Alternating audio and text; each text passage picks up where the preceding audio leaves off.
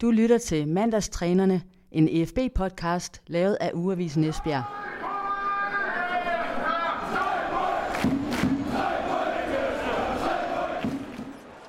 Esbjerg FB har fem danske mesterskaber bag sig, og den 28. oktober 1979, altså snart 40 år siden, kunne EFB og byens borgere lade champagnepropperne springe, i det det lykkedes at hjemtage klubbens femte danske mesterskab, en spillerunde før tid, efter en fantastisk præstation.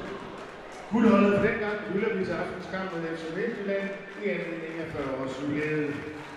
Mesterskabet, som er IFB's seneste, blev sikret med østrigske Rudi Stridis ved cheftrænerordet som kulmination på flere års opture. I 1977 blev holdet en bronzemedalje, i 1978 blev det til sølv, og i 1979 altså guldmedalje og til mesterskab. Guldet kom i hus efter en flot slutspurt, hvor EFB efter halvdelen af turneringen var 7 point i KB på første plads. Det var meget, fordi en sejr dengang kun kastede to point af sig. Guldholdet nu gået rundt og banen, og vi med jer publikum om at give dem en kæmpe bifald, når de kommer forbi jer. Og skal vi lige repetere?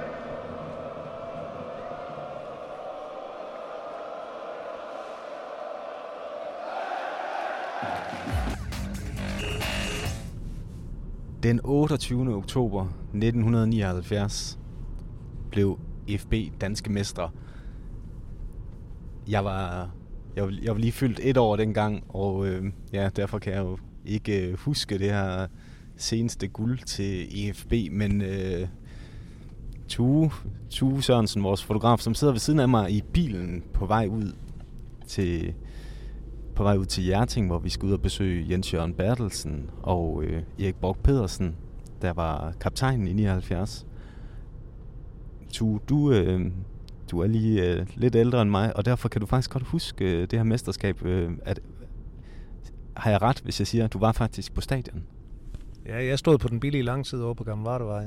Øh, jeg var 13 år, og Ole Kjær var mit store idol, og og Esbjerg, de vandt 3-1 over frem og blev danske mestre en runde øh, før afslutningen. Øh, vi stod øh, et fyldt Esbjerg stadion. Der var i hvert fald 13-14.000 tilskuere og øh, løb ud på banen bagefter, og der var bare fest, og det var, det var helt fantastisk. Så det kan jeg tydeligt huske.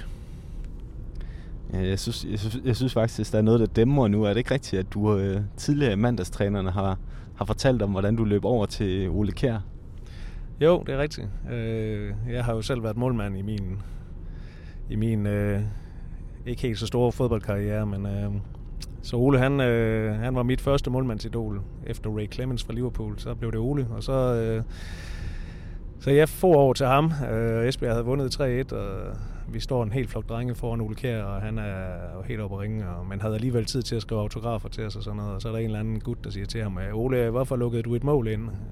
Ah, de skulle sgu også lige have en chance, og øh, der var bare fest og farver, så det var, det var en fantastisk dag på stadion. Nu skal vi altså ud og besøge øh, Jens Jørgen Bertelsen og Erik Brock Pedersen. Måske giver de en kop kaffe, og, og så skal vi nok lade være med at snakke mere her i bilen, fordi det er jo meget sjovere at høre, hvad øh, Sjønne og Erik Brock, de egentlig, de egentlig har af, af, af, af, af gode anekdoter fra de gamle dage. Hej. Nej. Hej Jan, velkommen her. Tak. Hej Tue. Kom indenfor. Ja, tak. Hvad? Vi har... Øh, Øj, på banen. Goddag, goddag. Jan. Hej. Ja, hej. Hej. Ja, lad være med at tage skoen af. Nå, det er for sent. Og jeg kan også mærke, at I har gulvvarme, så... Kom på en kop kaffe. ja.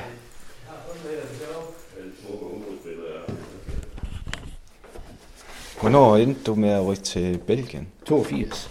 82? Ja. Så der gik alligevel nogle år. Carlos Oblitas fra Peru. Så hende han resten af en god boldspiller. Det. Nede i Charing. Ja, der gik nogle år fra, fra 79. Mm. Ja.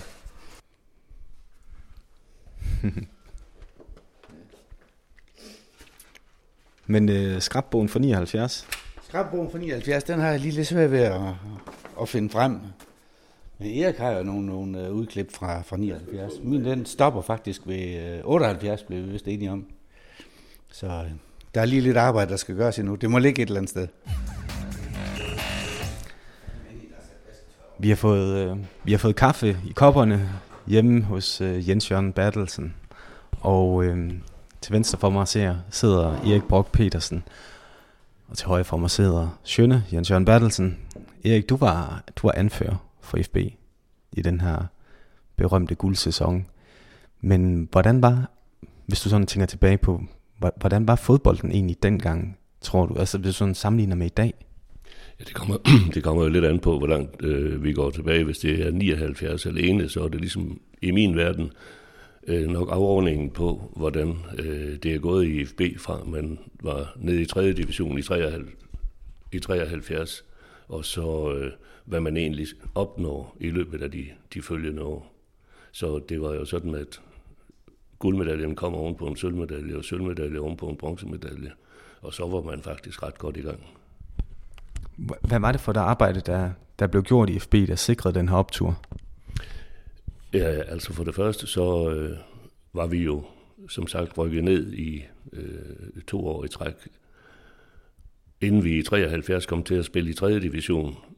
Og der får man banket et hold sammen, hvor så stammen ligesom er med de følgende år. Og det er sådan set i min verden det, der er grundlaget for, at, at vi fik de gode resultater, vi gjorde. Så på den måde kan man egentlig sige, at lidt ligesom vi har oplevet i nyere tid, at nedrykningerne har ledt til succes, så var det i virkeligheden også en nedrykning, der ledte til succesen dengang. Altså det der med, at man får nogle unge spillere, der får lov til at spille sammen, og ikke skal være bange for at øh, altså få deres plads på holdet. Er det sådan, jeg skal forstå det? Ja, det er sådan, man skal forstå turneringskampen og oprykningen osv., men der kom jo også et par pokalkampe, øh, nej, pokalfinaler, hvor vi øh, taber den ene og, og vinder den anden 76 over Holbæk, og så i 78 taber vi så til frem. Men øh, ud over det, så var det sådan dengang, at man, man jo havde en Toto-turnering øh, inden for tipsverdenen, og så var vi øh, ude og spille i mange af de lande, og det bankede så ligesom truppen endnu tættere sammen, og det stod egentlig på ret lang tid op, også fordi vi øh, jo i mange situationer havde vores koner med, og det var en ren familiehygge, ren familietur, men når vi skulle spille fodbold, så spillede vi altså fodbold. Hvor, hvordan husker, kan du, kan du prøve at grave ind i de der ture frem? Hvor, hvor har I været hen for eksempel? Ja, vi har jo været i Tjekkoslovakiet og Østrig og ja, så har vi også været i forbindelse med to, ikke Toto-kampe, men øh, Europacup-kampe. Det var helt fantastisk, hvor vi for eksempel i 78 kommer til at spille mod, mod Hertha Berlin. Øh, rigtig godt på hjemmebane, og knap så godt på udebane. Men øh, året efter, der var det så øh, Spartak Moskva for eksempel, vi skulle, vi skulle over. Det, det var næsten mennesketomt, men øh, det var stort at komme til de forskellige lande. Og det startede så i 76 med vores tur til Dublin. Øh, vi havde ikke spillet i Europa før. Men det var pokalkampen mod Holbæk, der gjorde, at vi kom videre til, til turneringen der. Nu siger du så det med, at I, I havde konerne med, og det var sådan nærmest familiehygge. Var, altså, i, i dag er det jo så professionaliseret det hele. Øhm, var, var, det lige, var det lige sådan, var det lige frem sådan, at der også var plads til at gå ud og få en, få en øl med gutterne? Absolut. Og øh, det må også tilskrives øh, Rudi Strittis i sin tid, at øh, selvfølgelig skulle vi have lov til at nyde turen, og vi skulle have lov til at være sammen, og vi skulle ud og se nogle ting. Men når der skulle spilles fodbold og træningsfodbold op til de kampe derude, så blev der trænet igen. Og det var han sådan set ligeglad med, hvordan folk de så ud og havde det. Men det kunne han. Kunne man godt det? Altså komme med sådan lidt, øh, lidt tømmermænd til træning? Jeg stiller aldrig nogensinde op øh, til en øh, dag, hvor du skal spille fodbold.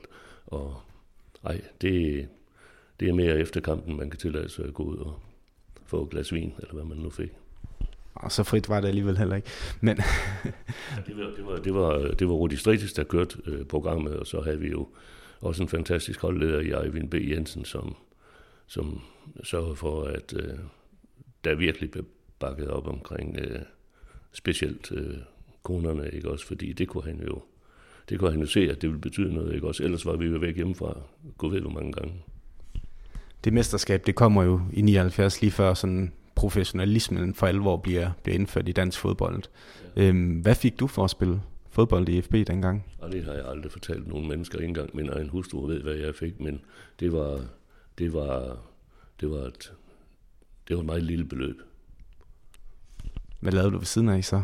Ja, jeg har i 40 år været skolelærer, så det var først og fremmest det job, man havde.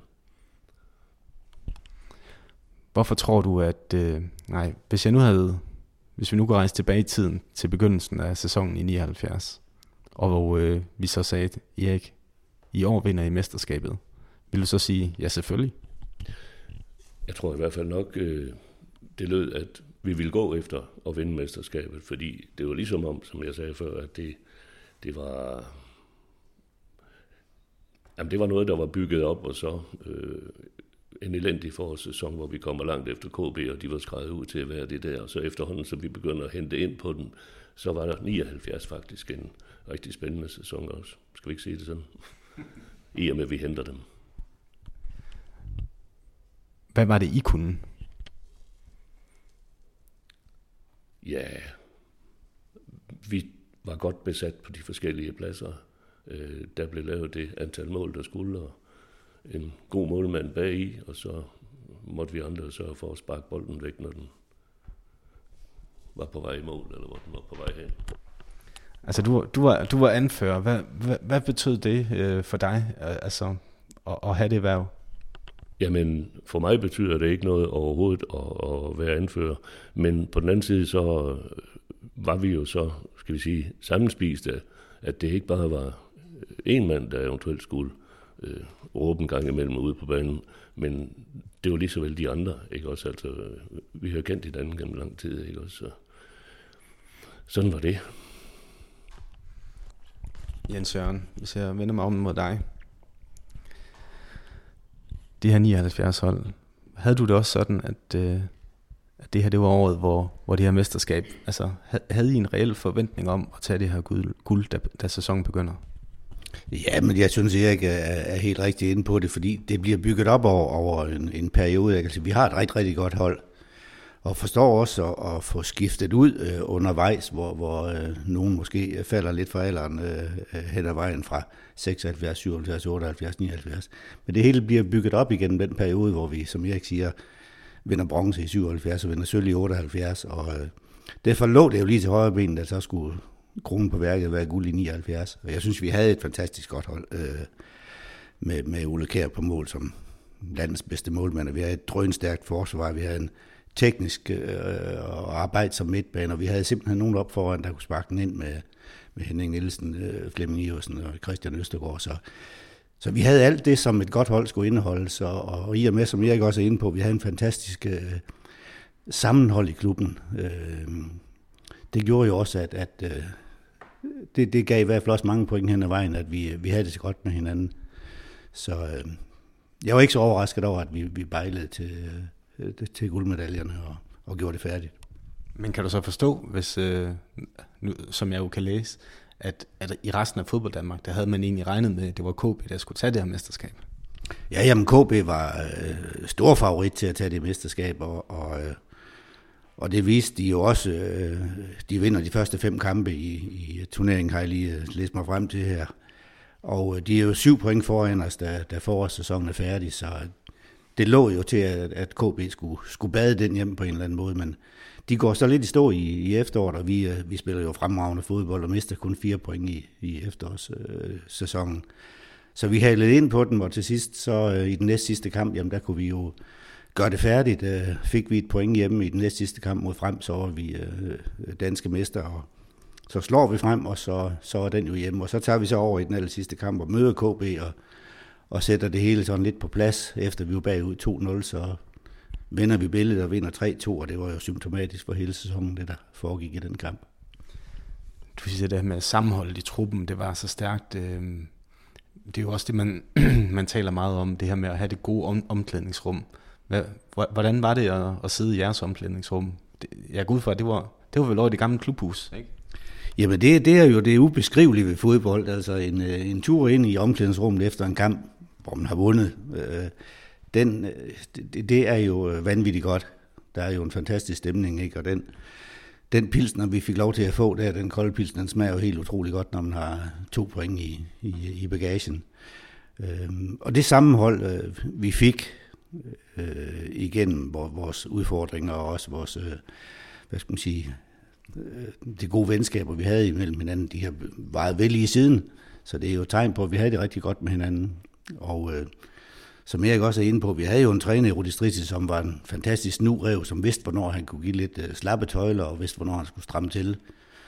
Og omgivelserne øh, kendte, hvad skal man sige, de, de regler, vi, vi spillede under. Så det hele det gik op i en højere enhed, vil jeg sige. Erik, har du ikke, øh, har du ikke en anekdote fra de der to eller et, fra de der europæiske ture, du kan fortælle? Ja, ah, det er store ting at skulle tænke så lang tid tilbage.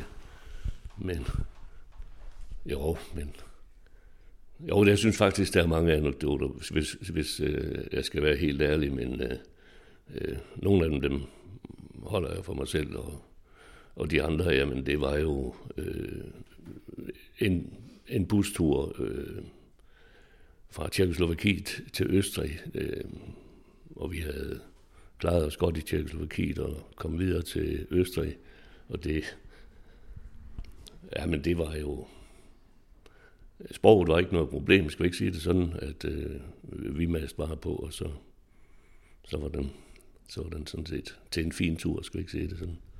Skulle I spille i Østrig, øh, efter I har spillet i Tjekkoslovakiet? Så var det sådan, at, øh, at øh, i forvejen var vores øh, damer taget til Østrig sammen med øh, Skytte, vores øh, reserveholdleder, og øh, så kom vi tilbage til, til Østrig, hvor vi så blev indkvarteret og hyggede os i, en, i nogle dage, faktisk over en uge tid, for der var jo en kamp lige efter igen der, ikke også? Ja, der har nok været flere, øh, men øh, jeg vil sige, de største i den grad de største øh, sjove ting, som sådan foregik jo faktisk i 76, i 76, da vi er ude i Indonesien og ser en helt anden kultur, hvordan der bliver spillet fodbold, hvor mange tilskuere der kommer til sådan nogle kampe, øh, hvordan de slår græsset. Det var ganske enkelt med en, øh, med en øh, lægte og så en øh, halvlang øh, skarp kniv, og så lå man ellers der og slog græsset, og det gjorde man på hele fodboldbanen. Det var vi noget imponeret over.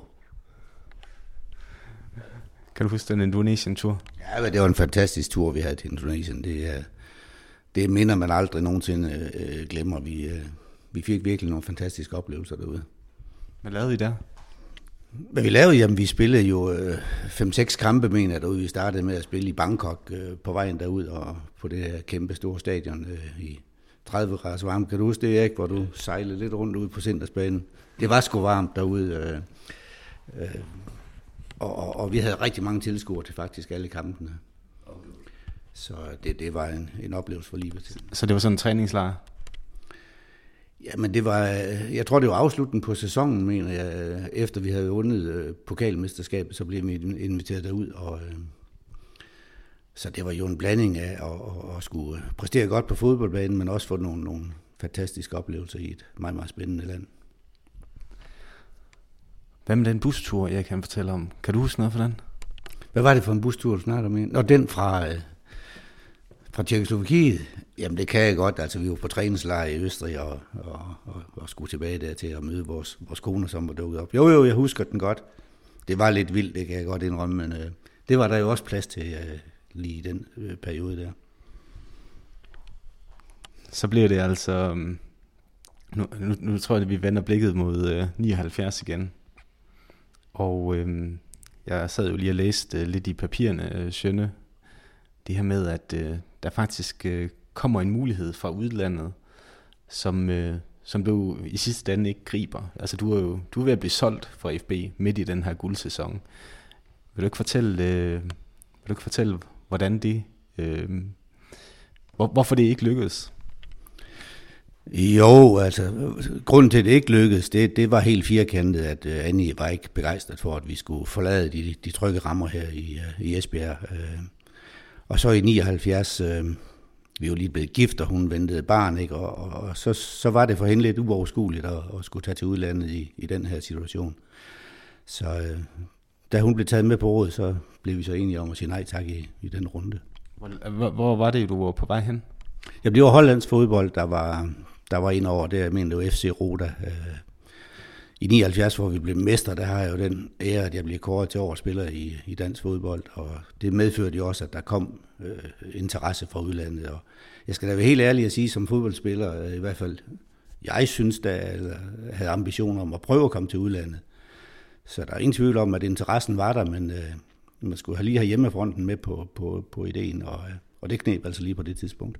Men I var langt i forhandlingerne, ikke? Altså, som, jeg, som jeg kunne læse, så, så, så ser det ud som om, at du var med Rudi Strid i, København for at forhandle øh, kontrakten på plads, simpelthen. Er det rigtigt? Ja, jeg tror, det var, øh, det var så langt, at det var et spørgsmål om at skrive under på, på en kontrakt. Havde du glemt at spørge hende på forhånd? ja, men det, det var jo sådan en, en, en balanceakt, fordi som, som fodboldspiller, så vil man jo gerne prøve kræfter med det, med det største, ikke? Og, og for mit vedkommende prøve at komme til udlandet og blive professionel og også tjene en god skilling. Ikke? Men, men der skal jo også være, være ro på bagsmækken. Altså, vi skal jo være enige om, at, at det er det, vi vil. ikke, fordi hvis ikke det virker på hjemmefronten, så, så kan du heller ikke præstere i en, i en udlandsklub. Så lige på det tidspunkt i 79, hvor, hvor vi som sagt ventede an Katrine, der, der var det ikke lige det optimale tidspunkt for os. Det blev først tre år senere, er det ikke rigtigt? Jo. Erik, nu var Sønne jo måske kan man sige, den mest profilerede spiller på det her hold, også øh, kvæg hans øh, deltagelse i, øh, i 86 slutrunden i, i Mexico. Men hvad var det, han bidrog med på banen for jer? Ja, ham kunne vi ikke undvære, fordi øh, han var altid modtagelig for de bolde, der skulle spilles op ned for bagkæden. Øh, stor løbepensum, og så øh, dejlig overblik over, hvordan spillet skulle køre videre. Øh, ham var vi meget afhængige af. Og hvad var det, Erik han kunne som anfører, Sjønne? Jamen Erik var jo øh, landsholds Morten Olsen, altså Erik var vores øh, boss på banen, øh, en, øh, en vi kunne læne os op af, som tog ansvar, og som øh, guidede os i den rigtige retning. Han var fantastisk god anfører, som, øh, som skabte ro både på banen og i omklædningsrummet, og, og var en, vi så op til.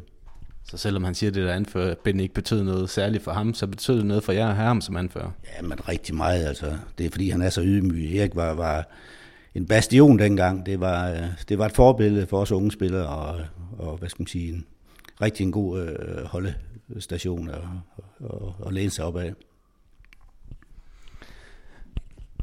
Der var altså ikke, øh, som, som jeg kan forstå også, øh, Sjønne, øh, ser det ud som om i de her papirer, at du er blevet tilbudt øh, en million kroner plus øh, 13.000 om måneden for at tage til Roda. Der var ikke så store penge i fodbold dengang, som vi ser i dag. Øh, men i FB, hvad, hvad, hvad tjente du? Hvad fik du for at spille i FB dengang? Jamen, jeg kan ikke huske det. Erik vil, har ikke nævnt det på noget tidspunkt, hvad han tjente i FB, og det var jo også sådan, det gjorde man jo heller ikke. Man gik jo ikke og fortalte om, hvordan ens kontrakt så ud, men det var små penge. Altså, det var jo først i 1978, at der blev indført øh, penge i, i dansk fodbold.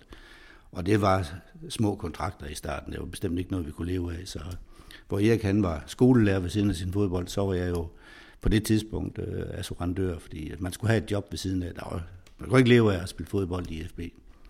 Så det har ikke været store penge. Snakker vi 50.000 om året, så er det måske ikke helt ved siden af. Øh, sådan tror jeg, at den første kontrakt nogenlunde så ud. Så der var lidt, øh, der var lidt lomme, lommepenge ved siden af. Erik, øh, ja. der, der er to kampe. Der er to kampe, der ligesom i, i, som, som skiller sig ud i den her sæson. Øhm, der er selvfølgelig kampen hvor, mod frem den 28. oktober, hvor I vinder det danske mesterskab. Hvad er det sådan, øh, hvis du sådan lukker øjnene op og tænker tilbage, hvordan husker du den, øh, jeg, det ved jeg ikke, om du kan, kan du huske den der optakt til kampen? Altså, hvordan du går og har det, øh, hvor er du henne, og hvordan, hvordan du forbereder sig der til sådan en kamp? Jamen altså, mange gange så får man jo først det indtryk af en kamp i det øjeblik, at man træder ind på stadion. Og der var 13.000 øh, tilskuere til vores kamp mod frem. Og så snart stadion er fyldt øh, raden rundt, så er det ligesom om, at det løfter en som spiller også, at nu, nu, skal, nu skal det køres hjem, hvad der nu kan være. Så det var, det var kulissen, man træder ind i. Så indtil da, så, så går Erik Brock Petersen bare rundt og altså der er du ikke inde i den der sommerfugle i maven, og, eller, eller hvad? Nej, det tror jeg ikke, der var øh, tale om, fordi man ved jo godt, at det kan jo øh, det kan vælte så snart der eventuelt begås nogle fejl derude. Men, men selve opladningen til en kamp og selve optakten til en kamp, jamen den er individuelt forskellig. Øh, det er jo ikke bare sådan, at man, man snakker og man er nødt til at gøre et eller andet, som man nu altid gør for, at øh, man er 100% klar til en fodboldkamp. Hvordan mødtes I tid, typisk? Altså, hvordan, øh, fordi altså, mødtes I fra morgenstunden, mødtes I øh, en time før kampen. Kan du huske, hvordan det foregik?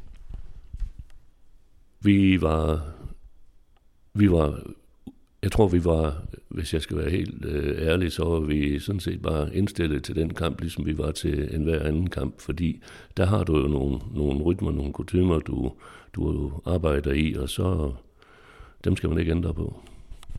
Havde du nogle ritualer personligt, som nogle ting, du skulle gøre før en kamp? Jeg snakkede ikke så meget derhjemme med familien, og jeg øh, var heller ikke typen, der kunne gå på havearbejde eksempelvis, hvis det var. Øh, jeg var nødt til at begynde at fokusere på den kamp, jeg skulle ud i. Og så tog jeg min cykeltur derud, og så kom man i omklædningsrummet, og så kunne man se, hvordan de andre de havde det. Spiller du så kampen op i dit hoved, når du sådan går derhjemme og tænker over den? Altså, spil... Nej, det, det kan man, det kan man, øh, det kan man ikke. Øh, men, men det er mere det der med, at der ikke er noget, der eventuelt gør, at man, øh, at man går og spekulerer på en masse andre ting. Du er nødt til at holde fokus på kampen. Og I ved jo godt, når I spiller den her fremkamp, at hvis I bare, er det rigtigt husket, hvis I bare får et point, så er I danske mestre. Øhm, hvordan husker du det pres? Fordi nu, så er man jo så snublende tæt på, som man næsten kan være. Ja, men øh, det er jo sådan, at når alt står og falder med én kamp, eller øh, to med den efterfølgende KB-kamp, så er det fordi, at der har været en, en mængde kampe inden, og når man kommer hen mod slutningen af sådan noget, så, så kan man jo kun se sig selv i spejlet og sige, hvorfor spillede vi ikke sådan altid, også i foråret, hvor det gik knap så godt. Så der er ikke sådan andet at sige til det. Sjønne, hvordan husker du den dag? Altså kan du, altså jeg ved godt, det er, det er sikkert kampen, der står som, som det klareste, men kan du huske noget, noget op til den her kamp? Jamen, jeg husker måske allerbedst efter kampen med slutfløjtet, ikke, hvor, øh, hvor, hvor hundredvis, måske, måske tusindvis væltede ind på banen og løb øh, æresrunde sammen med os. Det var jo kronen på værket. Øh. Selve kampen, forløbet kan jeg ikke sådan rigtig huske, udover at vi selvfølgelig vinder den her kamp, ikke, og der var mange tilskuere. Men det er, det er stadigvæk kan, kan få lidt gås ud over. Det var, det var den der æresrunde, vi havde sammen med publikum øh, på, på stadion. Det var vanvittigt godt. Så prøv lige at fortælle mig, hvad er det, der sker, når dommeren han fløjter? Jamen, øh, der sker jo det, at, øh, at øh, det er fuldbyrdet, vi har gjort det. Vi er blevet danske mester. Øh, og, og efter en, øh, hvad skal man sige, en periode, hvor tingene bare har gået opad og opad og opad med bronze, sølv og guld, jamen, så er det kronen på værket. Ikke? Det er forløsningen, kan man sige. Og øh, jeg tror, øh, fodbold Esbjerg var glade. Vi var glade, stolte. Og, øh, og det blev fejret i, i den rigtige stil. Hvordan, øh, hvordan havde du oplevet, kan man sige, fordi I kommer jo ned fra og op, som Erik også beskriver. Hvordan har du oplevet det her med øh, fodboldglæden i byen, eller lysten til at, til at støtte jer? Hvordan har du oplevet den udvikling fra, fra, fra ja, kan man sige, fra da I lå og rodet rundt, til at I ender med guld? Ja, vi kommer langt ned fra, øh, EFB var jo rykket helt ned i 3. division, altså det var jo en, en fodboldmæssig katastrofe for storholdet EFB, der 10 år tidligere var blevet mester i, i fire, år, øh, fire gange ud af fem år. Så det var jo virkelig en, en, en, øh, en katastrofe, at holdet var rykket så langt ned. Og så sker det, som Erik er inde på, vi får nye træner, vi får banket et nyt hold sammen og, og begynder opstigningen. Øh. Og den første opstigning sker jo allerede i den første sæson i 3. division Vest, hvor vi i den sidste kamp mod IKAST afgør, om det er IKAST eller os, der skal op i 2. division. Hvor vi vinder 5-1 op i IKAST, også med, med, med stadionrekord. 12.500 tilskuere op på, på IKAST stadion, det er mange. De sad i træer, de sad i lygtepæle, de sad overalt det, og, var, det, var det i 3. division? Det var i 3. division, der, hvor vi, øh, hvor vi så rykker op i 2. division. Og så har vi lidt tur i den i 2. division, hvor vi, øh, hvor vi den sidste kamp op i Aarhus vinder, ikke? Og, og første division skal udvides, så derfor rykker vi op på en, på en femte plads i, i anden division. Men så fortsætter vi opturen og bliver øh, pokalmester i 76 og bronze i 77 og sølv i 78. Og det er jo en raket, der ikke vil stoppe. Altså det, vi, vi har jo en vanvittig selvtillid at tro på os selv.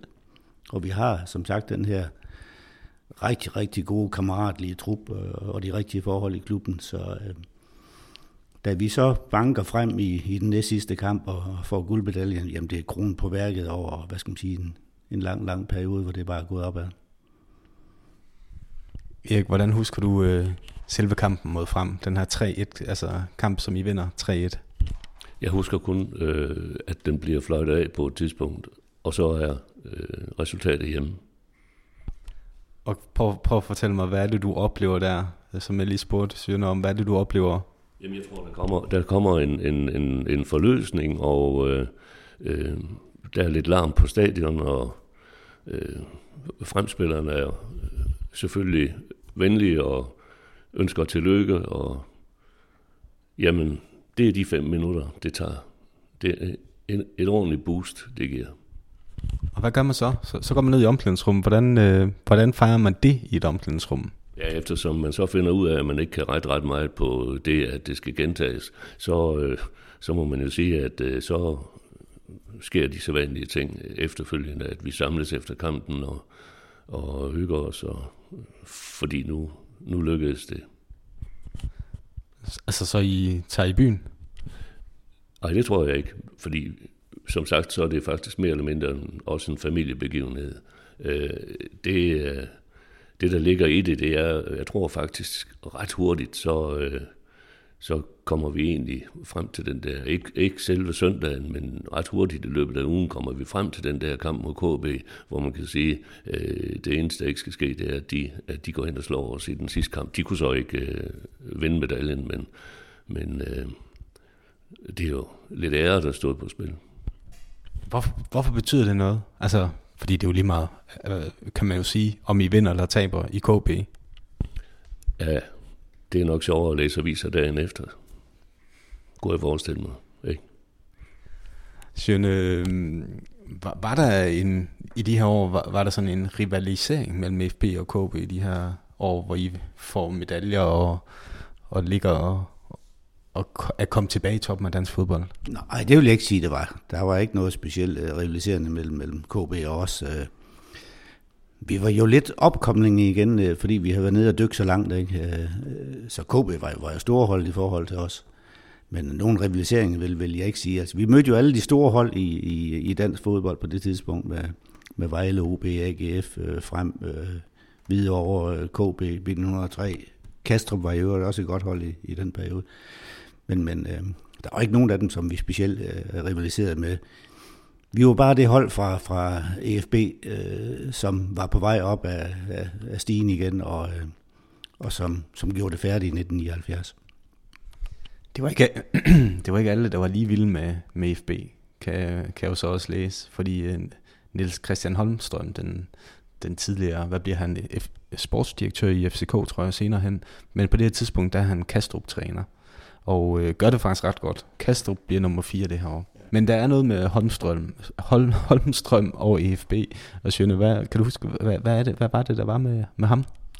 Ja, men ingen tvivl om, at uh, Holmstrøm jo øh, helt klart holder med, K- med KB i den sæson, ikke? Og, og, og i og med, at vi er ved at vippe dem med pinden, jamen så, så var han jo lidt uh, ulm på, på FB, og han synes, vi spillede en, en, en kedelig form for fodbold, at vi jagede publikum væk, men når man så læser i, i uh, statistikken, jamen, så er vi jo det mest scorende hold, og, og det mest vindende hold, og, og sætter kun fire point til i efterårsturneringen, så hans kritik, den, den, måtte, han, den måtte han skulle sluge lidt... Uh, og så må han acceptere, at vi, vi var et bedre hold end KB i den sæson. Ja, kan du forstå, hvis han synes, I var, I var kedelige? Altså, jeg, jeg har ikke øh, nogen mening om, om Holmstrøm. Jeg kender ikke øh, spor til ham anden de der få minutter, hvor han står, og man hører ham ud fra sidelinjen af. Øh, og hvis øh, han synes, at øh, Kastrup er bedre end EFB, så lader ham synes det. Og der forlader vi lige øh, Jens Jørgen Bertelsen og Erik Brock Petersen i, øh, i Sjønnes køkken ude i Hjerting, fordi nu hopper vi nu hopper vi tilbage i tiden øh, til en artikel, der blev bragt i BT den 29. oktober, altså dagen efter FB vandt det danske mesterskab. For det var ikke kun Sjønne og øh, Erik Brock Petersen, der, der havde bemærket, at øh, Niels Christian Holmstrøm han havde et horn i siden på FB. Prøv at høre, hvad Rudi Stridich, den øh, legendariske FB-træner, sagde dagen efter i BT. Den tågede snak om defensiv fodbold her i Esbjerg tager jeg helt roligt, som spillerne i øvrigt også gør det. En sådan snak vidner om total mangel på kendskab til international fodbold. Vi spiller moderne, som man gør det rundt omkring i Europa i dag. Sådan sagde Rudi Stridich altså. Og nu laver vi endnu et spring, fordi øhm, nu hopper vi altså videre til Nils Christian Holmstrøm selv, fordi øh, ham ringede jeg selvfølgelig til. Og øh, lad os lige høre, hvordan han husker øh, den her 1979-sæson, og øh, om det nu er rigtigt, at han faktisk havde, havde noget imod, at FB blev danske mestre. Nu skal du høre. Hvad kan jeg gøre for dig? Ja, det, det, det, det er meget interessant, for jeg sidder og, og ved at spole tiden 40 år tilbage, og har lige været ude og snakke med Jens Jørgen Bertelsen, og og, og flere af de andre gamle Esbjerg-spillere, og det er ligesom om, at du bliver sådan ved med at, at rumstere lidt i, hukom, i deres hukommelse fra den gang. Og jeg ved ikke, om du... Det er, det, er, det er da ked af, men mindre det er for det gode. det, det var jo noget med, at, at, at du var ude og, og sende stikpiller afsted til Esbjergenserne, om at øh, de ikke burde blive danske mestre. De spillede simpelthen for kedeligt dengang i 79. Kan du huske det? Er det... Nej, det kan jeg sgu ærligt talt ikke. Men, øh, men er det ikke et generelt uh, eksempel på, nu prøver jeg så at være fræk ikke at leve op til mit image, at I er meget nærtagende derovre, hvis der er nogen, der kommer til at sige noget til jer. Er I ikke? Tænk, hvad vi andre bliver udsat for i morgen, middag og aften. Det har jeg ikke tænkt på, vel?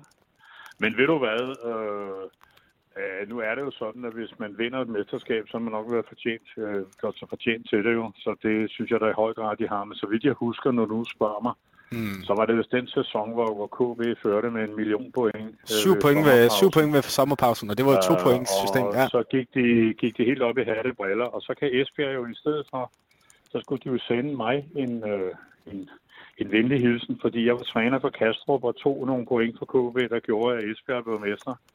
Så det skal de jo da tværtimod være meget taknemmelige over. Ja, og, ja, og, og, og, og, I, og I gjorde det jo ret godt i Kastrup, så vidt jeg, jeg kan se på. ja, er det, ikke, er det ikke sandt, at I skulle være taknemmelige? Jo. Men der kan man bare se, sådan er det jo. Nå, men ved du hvad? Ja. Øh, ja, ah, men det, var, det var jo det var fantastiske tider dengang, og Jesper havde en stærk hold.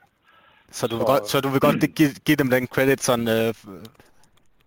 Ja, det vil jeg da i høj grad. Det var ja. et stærkt, meget stærkt hold, og jeg havde da, vil jeg husker, øh, var der mange af dem, som øh, også, øh, det var ikke bare Jens Jørgen Bertelsen, som spillede på landsholdet derinde, men det var det glimrende, så ja, ja, så det var, det var en stærk generation af Esbjerg-spillere, det var det der. Ja. Er det virkelig 40 år siden? Ja, det, det... kan man bare se. ja, det, ja, det... Ja, ja, ja. ja. Nå, men, men, men, du kan, men, men det er ikke sådan, at... Øh, det er ikke sådan, at, øh, at du stadig, stadigvæk den dag i dag går rundt og tænker, at det mesterskab skulle de aldrig have haft. Nej, fordi jeg var jo ikke... Det var en af de få perioder i mit liv, hvor jeg ikke var i KB, som jeg jo ellers har været mm. i, siden jeg var en, en lille knægt. Men øh, på det tidspunkt øh, havde jeg jo først fået tilbud om at være træner i, øh, i Kastrup. Og der var jeg jo i Kastrup det år, øh, i 79. Så øh, jeg havde sådan set... Den eneste loddedel, jeg havde i det, det var sådan set, at øh, vi tog... Øh, vi tog mange point. Vi tog, jeg tror, vi tog tre point for KB ud af de fire. Dengang, dengang spillede man kun nogle to point. Ja, ja. Så øh, det var sådan set nok medvirkende til, at Esbjerg blev danske mestre. Så, så, øh, så... Jeg, jeg tager gerne imod en, øh, et, et telegram med, med, med tak 40 år efter. ja, Holmstrøm, han kan altså godt... Øh han kan altså godt her 40 år senere øh, erkende, at FB havde et godt hold. Men øh, han havde måske mere med øh, mesterskabet at gøre, end blot det, at øh, Kastrup tog nogle point fra, fra øh, KB. Øh, det mener Ole Kjær i hvert fald. Og øh,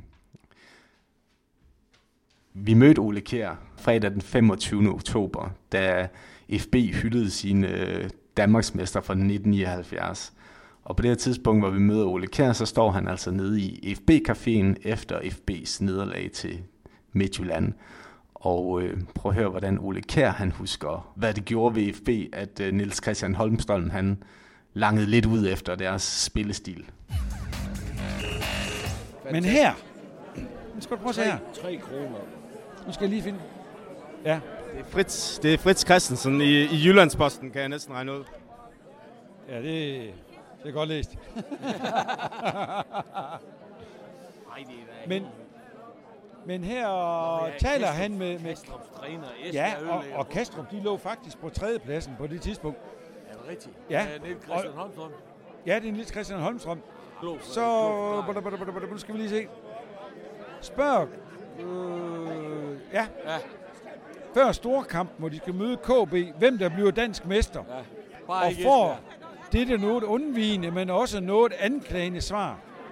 For min skyld må det blive alle andre end Esbjerg. Den form på destruktiv fodbold, vestjyderne spiller, er ødelæggende for dansk fodbold og ville jage tilskuerne væk, hvis alle andre spillede på samme måde. Så fik vi så i øvrigt prisen for at være det mest scorende hold i den sæson med vores ødelæggende og destruktive fodboldfasong. Men Niels Christian Holmstrøm, han var jo, øh, så vidt jeg husker, fem år. Ej, jeg husker det ikke, men så vidt jeg har læst mig til, fem år tidligere blev kåret som årets fodboldspiller i Danmark. En titel, du jo også selv fik. Hva, så hvad betød det egentlig for jer, at en øh, alligevel profil i dansk fodbold, som Niels Christian Holmstrøm, sagde sig noget om jer? Jamen, det var, altså vores holdleder Eivind Jensen var jo fantastisk. Han var så god. Han vendte det her om og fortalte alle spillerne om det. Og det blev en motivation for, motivation for, for os til at skulle ud og gøre det bedre, end det han stod og fortalte over i København. Og jeg husker, da vi skal over og spille mod KB, den sidste kamp, hvor Danmarksmesterskabet var afgjort, der tager vi det over dagen før, og vi skulle ind i Løje og ind og høre øh, klyderne, der skulle optræde. Og Eivind, han rejser sig op i bussen. Vi var derovre med, med koner og det hele. Eivind rejser sig op i bussen og læser et brev for os, som han har skrevet til Holstrøm. Hvor i han inviterer Niels Christian Holmstrøm og kone til at komme og være sammen med os den aften inde i Lorry. Men der var så et pænt svar. Nej tak, han kunne desværre ikke komme. Og det var bare for fuldstændig at jorde ham ned. Han har nedgjort os i hele sæsonen. Fuldstændig. Han øh, brugte hver lejlighed til at nedgøre os. Og så endte det med, at vi blev dansk mester. Og vi havde ham så meget at tak for. Fordi det var det, der var vores motivation. Som han også sagde til mig her den anden dag, ja, de, i virkeligheden skulle de jo bare nøjes med at sige tak til mig, fordi så vidt han, så vidt han husker, så tog Kastrup også tre point ud af fire mod, mod KB. Ja, det gjorde de så også, men, men det kunne de jo så bare gøre. Vi, vi vandt jo med seks. Men, men, men han sagde også til mig, jamen er det ikke bare fordi I vestjyder, I er så nærtagende? Hvis nu alle vi andre, tænk på, hvad der bliver sagt om os hele tiden. Er, er vi det, Ole? Var, var, var I det? Nej, nej, altså vi er og har altid været meget beskedne. Øh, og det kunne slet ikke, vi kunne slet ikke drømme om selv at stille os op og begynde at, at nedgøre nogle af vores modstandere på den måde, som han gjorde over for os. Så det var måske derfor, det også øh, kunne virke som motivation. Helt klart, helt klart. Og Eivind, han, han brugte hver eneste uge over for os nu at holde fra sagt sådan og sådan og sådan. Og så skulle vi bare, det der, det er bare løgn. Det, kan, det vil vi ikke være med til. Tak for den anekdote, Ole. Og nu vender vi os så tilbage til Jens Jørgen Bertelsens køkken, hvor øh, Erik Brock Petersen og Sjøne selv sidder og fortæller om de gamle dage. Hvad var det, øh, hvad var det for en type fodbold, de spillede? Jamen altså, vi er jo stort set øh, næsten det samme hold fra uge til uge. Og øh, øh, Sjønne nævnte før ikke også, at vi, vi har kæderne, hvor man kan sige, at øh, hvis der er noget, der svigter i de kæder, så, øh, så kan resultatet være på vej væk. Men øh, jeg synes faktisk, at øh, vi kender hinanden så godt i det øjeblik, at vi lukker af ned øh, bag i, og så har vi som sagt den hårdt arbejdende midtbane, og så gudskelov nogen, der scorer nogle mål. Altså det er, det er igen den samme, det samme mønster. Ikke? Jeg synes, øh, jeg synes ikke, man kan sige, at det var, det var primitivt vores måde at spille fodbold på. Det tror jeg sgu ikke på, man bliver dansk mester ved.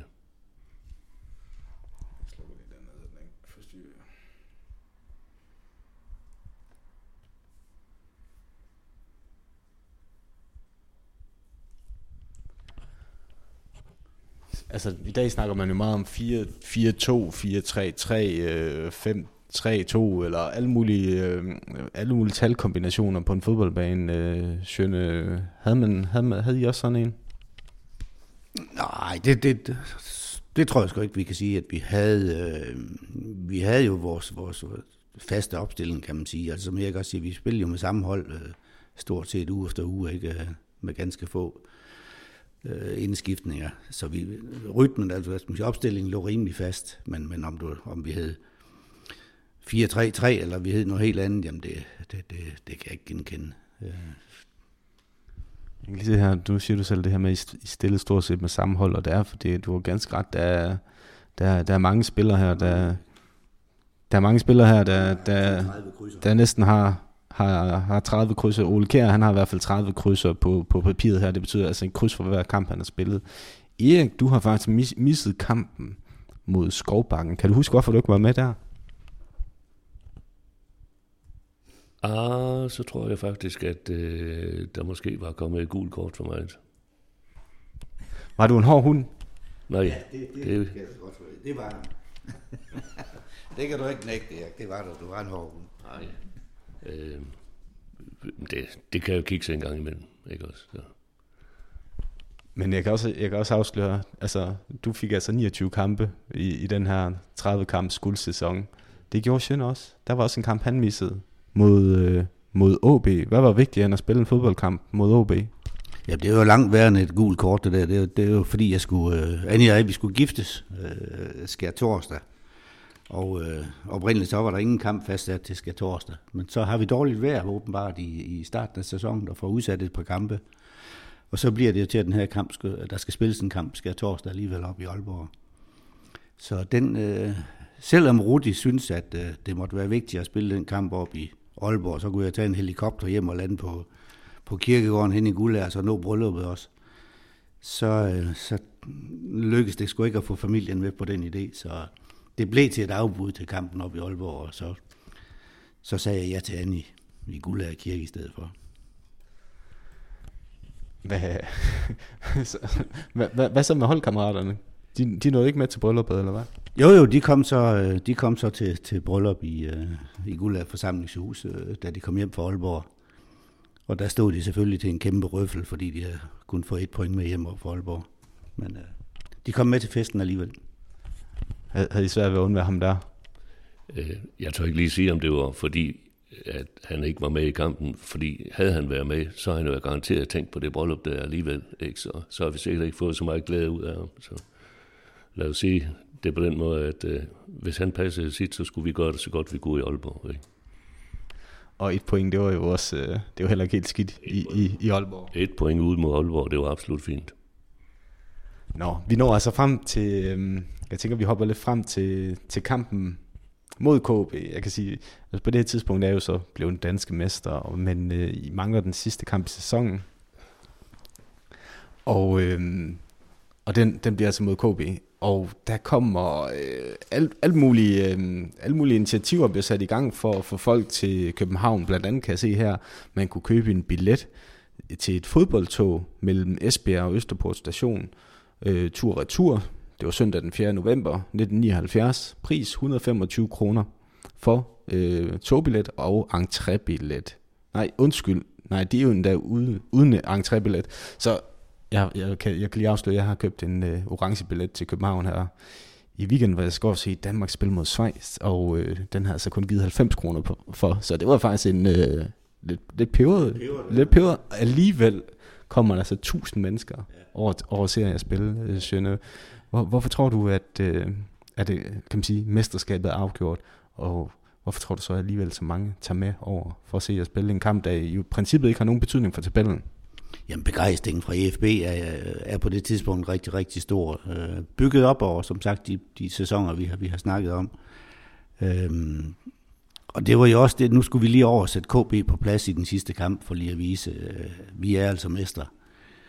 Og, og Idrætsparken, øh, det, det var der heldigvis rigtig, rigtig mange, der gerne ville, og, øh, og jeg ser det som et udtryk for, at at Esbjerg bakkede virkelig op om, om, om sit hold i, disse år der, og det glæder mig vanvittigt meget, at vi så gav dem en rigtig god hjemtur fra, fra København, hvor vi medbragte mesterskabsflaget, som der var dengang. Der var et flag, som skulle veje på, på Esbjerg Stadion i, i sæsonen efter, der viste, at her spillede de danske mester altså hjemme. Så det er, jo det, det, det, er jo, det er jo det sjove af det, det er jo at dele de gode stunder med, med fansene. Det er jo vanvittigt godt. Hvordan, øh, altså vidste, vidste de godt det inden kampen, at, at der ville komme så mange mennesker over for at se jer? Ja, jeg tror, vi havde fornemmelsen af, fordi øh, der var fodboldfeber i Esbjerg. Der var fodboldglæde i Esbjerg. Øh, et mesterskab var, var kommet i hus igen. Øh, så øh, vi, vi mærkede virkelig en, en, en kæmpe opbakning, og havde jo allerede oplevet det i den næste sidste kamp mod, mod frem, hvor vi hvor banen bliver invaderet af, af tusindvis af ellevilde tilskuere. Så vi skulle, de, vi skulle alle sammen lige gøre det færdigt i, i, i den kamp mod, mod, mod KB, og det, det gjorde vi eftertragteligt. Sidste sæson var der jo så stor snak om, da FB vandt bronze, og kan man sige, i bronzesæsonen øh, slår de jo FCK på hjemmebane, og efterfølgende Midtjylland på udebane. I kampe, hvor man kan sige, Midtjylland og FCK i princippet ikke har noget at spille om. Hvorfor, hvorfor kunne I godt finde ud af det der med at sætte op til en kamp? Jamen, jeg tror, vi var tilpas ærgerige. Altså, vi, øh, vi ville det der, vi ville vinde. Altså, vi, vi havde nogle, nogle, øh, nogle gode typer på, på holdet, som, som absolut ville vinde. Øh, og vi var godt organiseret, så der var ikke nogen ligegyldige kampe, heller ikke selvom om mesterskabet var i hus. Øh. Og så som sagt, selvom KB ikke var vores... Øh, der var jo ikke nogen, nogen rivalisering, men det var sgu en stor tilfredsstillelse til over at gøre det helt færdigt og, og slå dem i den aller sidste kamp. Hvordan husker du den 3-2-kamp, I vinder derovre? Jamen, jeg husker bare, at det, det var jo en, en, en, en regnværsdag, en tung bane, og, og, og ikke nemt at spille god fodbold på, og vi kommer bagud 2-0, og, og så tænker man jo nok, at det er jo nok, fordi de har lidt tømmermænd fra, fra, fra sidste søndag, hvor vi øh, egentlig blev mester, men vi hiver os op og, og, og, og får sat på kampen, og, og så har vi jo de der, vi har altså nogle virkelig øh, målscorer på holdet i, i den sæson med, med Flemming Iversen, øh, Henning Nielsen og Christian Østergaard, som, som laver tre gode mål, og så, så bliver det som sagt sådan et billede af, hvordan hele sæsonen er forløbet. KB foran 2-0, og vi henter dem, og vi slår den 3-2. Sådan forløb sæsonen. Nu siger du, at I må, der måske var nogen, der havde lidt tømmer, men jeg synes lige, at han sagde, at det var mere en familiefest. Var, var, var, I, var der nogen af jer andre, der gjorde det til lidt mere end en familiefest derefter, øh, efter guldmedaljerne blev sikret mod frem? nej, efter, efter guldmedaljen, der blev sikret. Øh, nej, du tænker mod frem. Nej, der, der fejrede vi det på vores sædvanlige vis, hvor vi spillede, eller spiste over i, øh, i øh, FB's klubhus og, og hyggede os øh, sammen med vores, vores piger. Så det var på den helt øh, normale façon. Øh, ikke noget ud over det. Men, øh, men så kommer KB-kampen. Så, så må der komme en ordentlig fest efter den, tænker jeg. Ja, men det gør det også, og vi har jo en fantastisk togtur hjem. Jeg mener, vi er med tog hjem. Det, det plejede vi jo at være, ikke? Og, og vi havde mesterskabsflaget hjem, og der har garanteret været en, en kæmpe modtagelse nede på, på, på banegården. Og, øh, og vi festede videre ud i FB's klubhus, som var åben for, for, øh, for alle fodboldglade fans, så der var vild fest i Esbjerg den aften. Hvad, hvad er det? Hvad, er, er det klareste minde for dig? Er det også der i, i fremkampen? Jamen, den, den står som, øh, hvad skal man sige, den står som, som øh, højdepunktet i, i sæsonen, fordi det er der, vi, øh, vi gør det klart, at vi bliver mester, ikke? og så, så er forløsningen jo på plads. Mm. Øh, og så er det jo så bare, øh, hvad skal man sige, rart, at vi tager det KB og også øh, sætter det hele en gang mere på plads. Øh, men det er klart, at, at få lov til at, at, at blive mester på hjemmebane med 13.000 tilskuere, det, det var jo en uh, fodboldfest uden, uden, lige, uden sidestykke. 13.000, det er lang tid siden, der har været så mange på stadion, desværre. Ja, der var stadion ikke, der var stadion jo ikke så stor og, og rummelig, så, som den er i dag, så 13.000 fyldte rigtig meget dengang. Det, det kan vi godt skrive under på. Men er, jeg kan jo stadigvæk huske de der øh, jubelscener, hvor, hvor øh, vi spiller, vi løber sammen med, med, med publikum øh, rundt på banen. Det er, det får man nok ikke lige lov til i dag, øh, kunne jeg forestille mig med, med de kontrollører, der er, men øh, det viste jo bare den, øh, hvad skal man sige, det sammenhold, den fodboldglæde, der var i, i blandt os og publikum. I dag, kan man sige, der, der er fodboldglæden sådan lidt øh, ved at glide ud af hænderne på byen, tror jeg. Man, man godt kan sige, øh, tilskuerne er, er der ikke rigtige, og kan I huske, altså var det også sådan dengang? Var, var folk også hårde? Altså havde vi også et, et, et, et fodboldpublikum dengang, der kan man ligesom sige, straffede de dårlige resultater og blev væk, hvis I ikke, hvis I ikke leverede? Ej, jeg husker ikke noget specielt, men hvis det er sådan, et publikum ikke føler sig sådan, øh, øh, at de ligesom vil, vil øh, bakke op uanset, så skal de selvfølgelig også have lov til det. Det må også være frustrerende at komme øh, uge efter uge på stadion, og så se en gang skidt fodbold. Ikke? Og så, altså, det spil mellem, mellem holdet og, og publikum, det, det fører langt ud. Men, men det, jeg tænker også på det der med, det må da også være, jeg, jeg, jeg går ikke ud fra, at der var 13.000, da I var nede og vende i 3. division vel, til kampene. Så, så I mistede vel også lidt, lidt opbakning fra, fra byen dengang, eller hvordan oplevede du det, Erik? Altså jeg vil sige, øh, nu var det sådan, da øh, vi i 73 skulle spille den afgørende kamp i IKAST, der er der så tæt trafik fra Herning til, øh, til IKAST, at øh, dommeren eksempelvis må politieskorteres til kampen. Oh, han kom ind fra, fra Herning af os, ikke? Eller den vej i hvert fald. Og vi nåede op på, som sagt, stadionrekorden deroppe på 13.000. Det var imponerende, for det var første gang, at øh, i hvert fald jeg var med til at, at, at mærke den opbakning, der var der. Og de 13.000, der var måske mange esbjergenser i blandt. Jeg skal lige sige, at det var ikke alle esbjergenser, de 13.000, det skal, det skal siges, men, men øh, der var en kø i bilkørsel. Fra, vi kommer, holdet kommer normalt altid en halvanden time før en kamp eller sådan noget. Der var kø fra Erning til, øh, til IKAST. Så der var, der var rigtig mange esbjergenser, ja. Sjøn, havde du, havde du egentlig nogle ritualer før de her kampe? Altså noget du, noget, du altid gjorde før kampene? Nej, ikke noget. Jeg, jeg synes, jeg kan trække frem og sige, det, det, var, det var et ritual. Øh, nej, men det, det bedste, og sådan har jeg egentlig altid haft det. Hvis jeg, jeg skal gerne lige gå og, og forberede mig lidt for mig selv, sådan, altså uden alt for meget small talk og, og, og, og, og ting, der, der forstyrrer sig. Og, sådan har jeg haft det på FB's hold og på landsholdet. Jeg havde det bedst, når jeg gik og koncentrerede mig og vidste, at jeg var i god form. Det, det var vigtigt for mig, at, øh, at, at formen var på plads, altså at der var blevet trænet ordentligt igen øh, øh og følte mig, og følte mig øh, godt tilpas. Og nogle specielle ritualer har jeg ikke haft. Nu sidder vi selvfølgelig her med øh, to af, to af de, to af de øh, nøglefigurer på det her hold, men øh, Erik og, og Sjønne, altså kan, man, altså, når, når man så kigger på, hvem der har spillet mange kampe, og så, så lægger jeg sådan lidt mærke til Christian Østergaard, der jo øh, slet ikke er med, øh, kan man sige, nærmest i første halvdel af sæsonen. Er der, er der en af jer, der kan, ligesom kan fortælle, hvad, hvad ligger der bag den historie? Jeg tror, Christian Østergaard havde besluttet sig for at stoppe fodbolden, øh, inden vi går i gang med 79 sæsonen. Og så gudskelov, så får vi ham overtalt. Øh, hvem der end gør det, aner jeg ikke. Men øh, så får vi ham overtalt til, at han øh, starter op igen, og det kan mærkes med det samme. Hvad var det for en, rolle, han gik ind og tog, da han kom tilbage? Jamen, han tager den rolle, han altid har haft. Altså, Christian Østegård var Christian Østegård i sit spil, og øh, det var, det var hvis, hvis, vi, hvis vi kan se det sådan noget fornuftigt angrebsspil, der kom ud af Christian Østegård. Han tog bolden til sig, afleverede til de andre, og fik den igen og hamrede den ind. Det var nemt.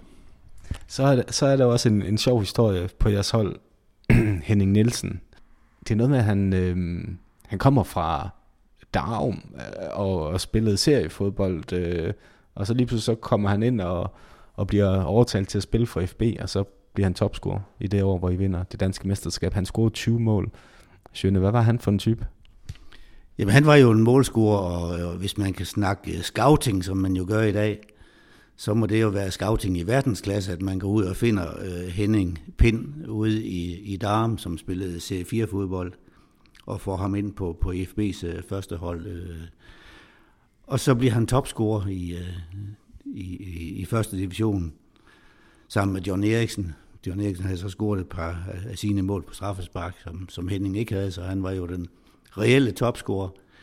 Og det er jo bare lidt et eventyr, at, øh, at det kan lade sig gøre, at en C4-spiller kommer ind og bliver topscorer i dansk fodbold. Altså gik han lige fra Serie 4-sæsonen og så ind på jeres hold?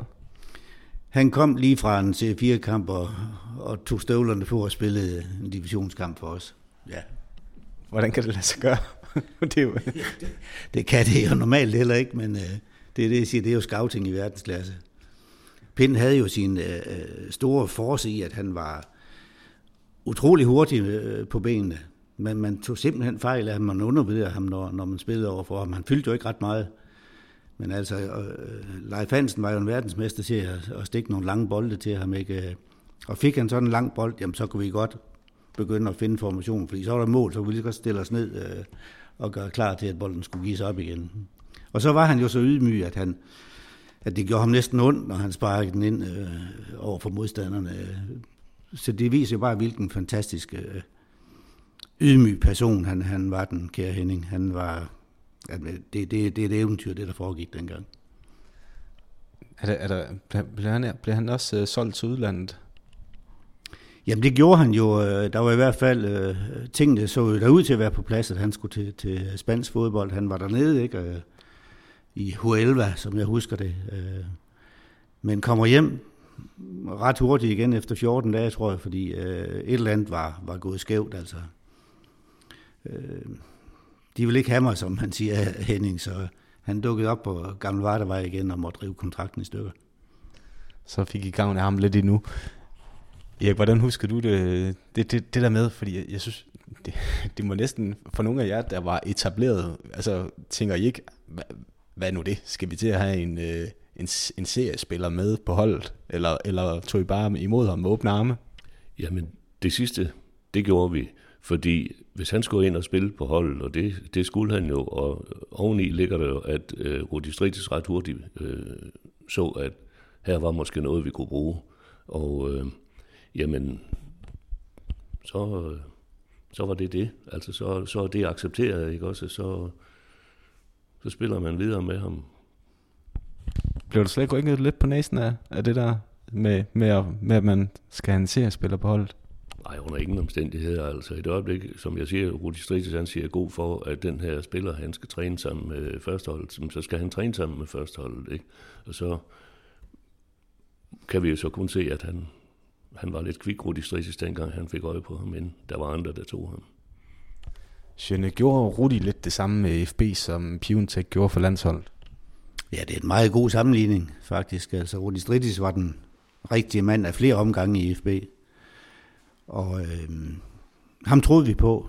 Han kunne øh, få os til at gå igennem ild og vand, vil jeg sige. Øh, han var en charmerende østriger, der, jamen, der kunne få det bedste frem i os. Øh, og der er jo også nogle anekdoter, ikke? Øh, han kunne få os til lidt af hvert, altså øh, i vintertræning over på Kælkebakken, hvor vi havde en på ryggen op af Kælkebakken. Det tror jeg ikke, øh, man fik nogen til i KB eksempelvis. Og øh, en anden gang husker jeg, hvor han siger, i, i dag der skal vi lige ud og, og løbe en lille tur. Vi skal ud og løbe 8 kilometer. Så jeg okay, 8 kilometer, det vil vi nok kunne klare. Så kørte han i bil øh, foran os.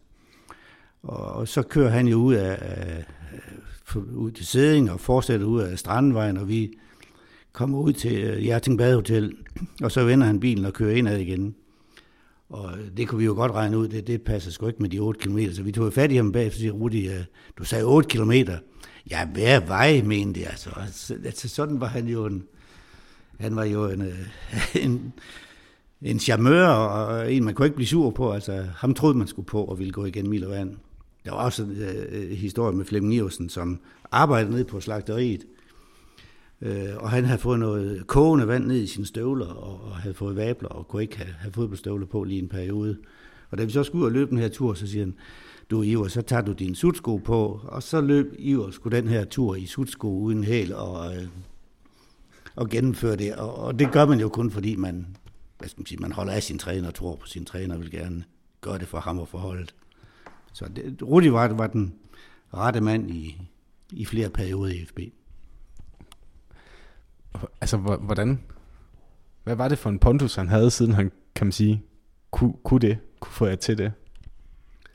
Det skyldes nok den baggrund, han havde. Han fortalte på et tidspunkt om en øh, oplevelse, han havde som spiller, hvor han var taget til Sydamerika, og øh, i øh, vinterperioden, efterårsperioden, hvornår det nu har været, der, der har han så ikke fået sine øh, penge øh, betalt over, hvad stiller man op med ned på havnen i et eller andet sted i Sydamerika. Jamen, øh, det, det er korte bukser, og så spørger han kaptajnen, om han kan få lov til at tage med til Europa. Og øh, det er sådan set den måde, som han kæmper sig igennem på. Det tror jeg, han har været vant til.